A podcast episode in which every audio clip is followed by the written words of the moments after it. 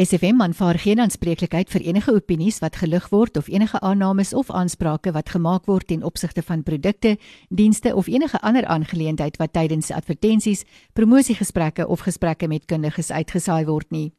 Die inhoud van enige insette verteenwoordig nie noodwendig die siening van SFM nie en alle navrae, klagtes of besware kan direk aan die betrokke adverteerders of kundiges gerig word. Daar is vrae in sekere kringe oor ongebalanseerde beriggewing in die media as dit kom by die uh, pandemie en die virus en relevante onderwerpe rondom dit. Uh, die doel van ons virus inset twee kante van die saak is 'n poging om balans te bring in die beriggewing wat hoofsaaklik hoofstroom inligting weergee want ons besef daar is altyd twee kante van die saak. As ons die nuus lees dan hoor ons alles wat die hoofstroom sê en dan is dit laaste ons hoor niks verder daaroor nie.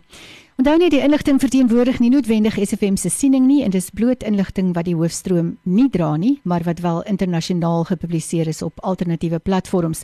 Jou opinie is regtig jou persoonlike saak. Ons gee egter wel geleentheid vir enigeen hoofstroom of ander kant kundig of onkundig om jou mening per WhatsApp met ons luisteraars te deel anoniem indien jy so verkies. Kundiges aan beide kante is ook welkom om oor die relevante wetenskap te kom gesels hier op SFM. Daar's 'n boodskap van 'n luisteraar wat ver oggend ingekom het wat sê sy het net 'n vraag. Eh, die luisteraar het uh, so 'n paar dae gelede vir ons 'n WhatsApp ingestuur om te sê dat sy 'n goeie ervaring met haar inenting gehad het. En sy sê verlede week se twee praatjies het gegaan albei oor nie spuit nie. Gaan ons eers twee geleerders kry uh, wat dalk met ons kom praat om wel te spuit. Dis twee kante van 'n saak, maar ons het nou nog net die een kant gehoor baie dankie sê sy dis 'n anonieme luisteraar.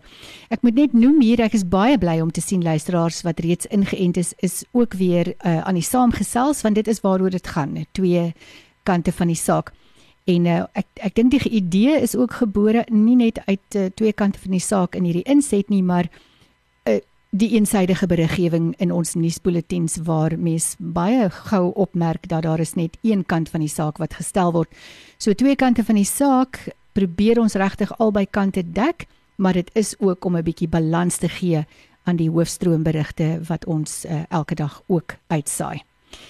En hier is nou 'n artikel wat eintlik vandag se luisteraars se beswaar uh, baie mooi hanteer want dit dit lig die probleem vir ons uit.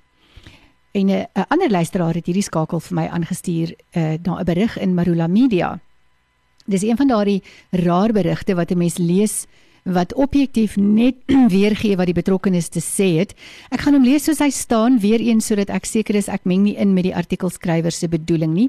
Christel Cornelissen het dit geskryf en dis aanlyn gepubliseer op die 13de Augustus uh, verlede Vrydag. En as jy die skakel wil hê, kan ek dit vir jou stuur. Jy sal dit daar kry in Marula Media.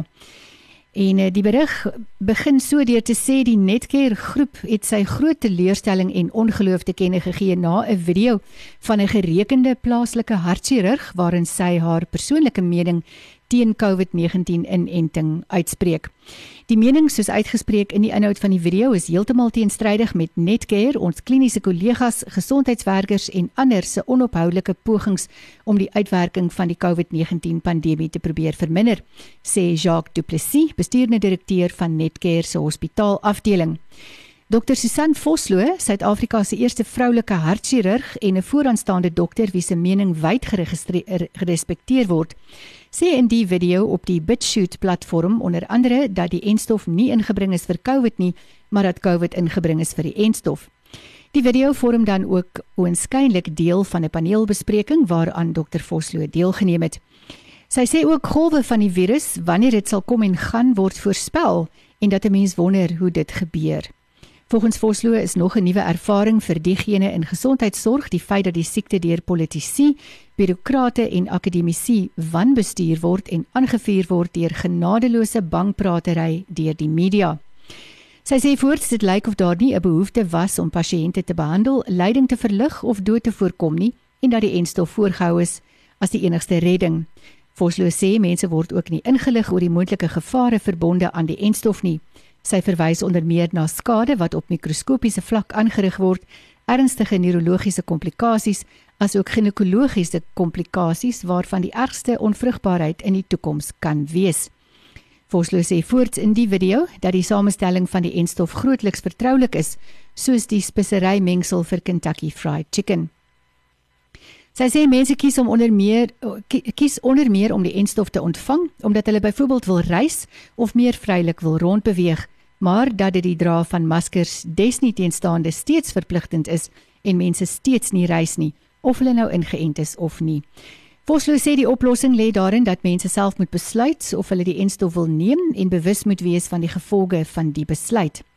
Netcare het hom egter van Vosloo se mening gedistansieer Maar sê Vosloo is 'n onafhanklike praktisyn wat op haar eie mening geregtig is. Uh die video weerspreek die menings en pogings van die departement van gesondheid asook die van die internasionale instellings soos die Wêreldgesondheidsorganisasie. En gegee die ernstige gevolge van Dr Vosloo se opmerkings en die moontlik skadelike uitwerking op nasionale en wêreldwye pogings om COVID-19 te staai, distansieer net keer om heeltemal van Dr Vosloo se teen-inentingsboodskap, so sê Du Plessis. Die groep sê hy het tot dusver meer as 110 000 mense ingeënt onder wie 33 000 gesondheidswerkers. Ons het meer as 110 000 COVID-positiewe pasiënte in die groep behandel, waarvan meer as 50 000 behandel behandeling net in ons hospitale benodig het. Ons het ongelukkig 76 van ons kollegas verloor. As 'n gesondheidsorganisasie wat diep verbind is tot die gesondheid en welstand van alle Suid-Afrikaners, staan ons vierkant agter die pogings om soveel as moontlik mense in te ent. Dit is dan hierdie artikel in Marula Media gepubliseer 13 Augustus en geskryf deur Christel Cornelissen. Uh, ek kan nou nie help om op te merk dat daar weer eens geen statistiek gegee word oor hoeveel van die siek mense en die wat gesterf het in die Netcare hospitale ingeënt was nie. Daar is altyd net een rede hoekom 'n brokkie inligting nie gedeel word nie. Ons wil nie hê jy moet dit weet nie. En ek kan nie verstaan waarom daardie statistiek nie beskikbaar gemaak word nie. Ek en jy kan vir onsself dink. Ons wil net die inligting hê. Daar's ook 'n merkbare afwesigheid van wetenskaplike debat. As mens nou die artikel lees, Dr. Vosloo se video bied regtig 'n ideale geleentheid vir pro-inentingsdokters om te verduidelik hoekom sy verkeerd is. Maar al wat Netcare se bestuurende direkteur te sê het, is hulle distansieer hulle self van dokter Vosloo se mening. Nou hoe help dit vir my en vir jou? Hoe help dit ons wat op die draad sit? Vir ons wat reeds ingeënt is, vir ons wat nog moet ingeënt word, hoe maak ons 'n besluit met dit? As baie mediese stellings en beweringe rondom gevolge gemaak, uh, nie net deur dokter Vosloo nie, maar ander dokters en wetenskaplikes wêreldwyd.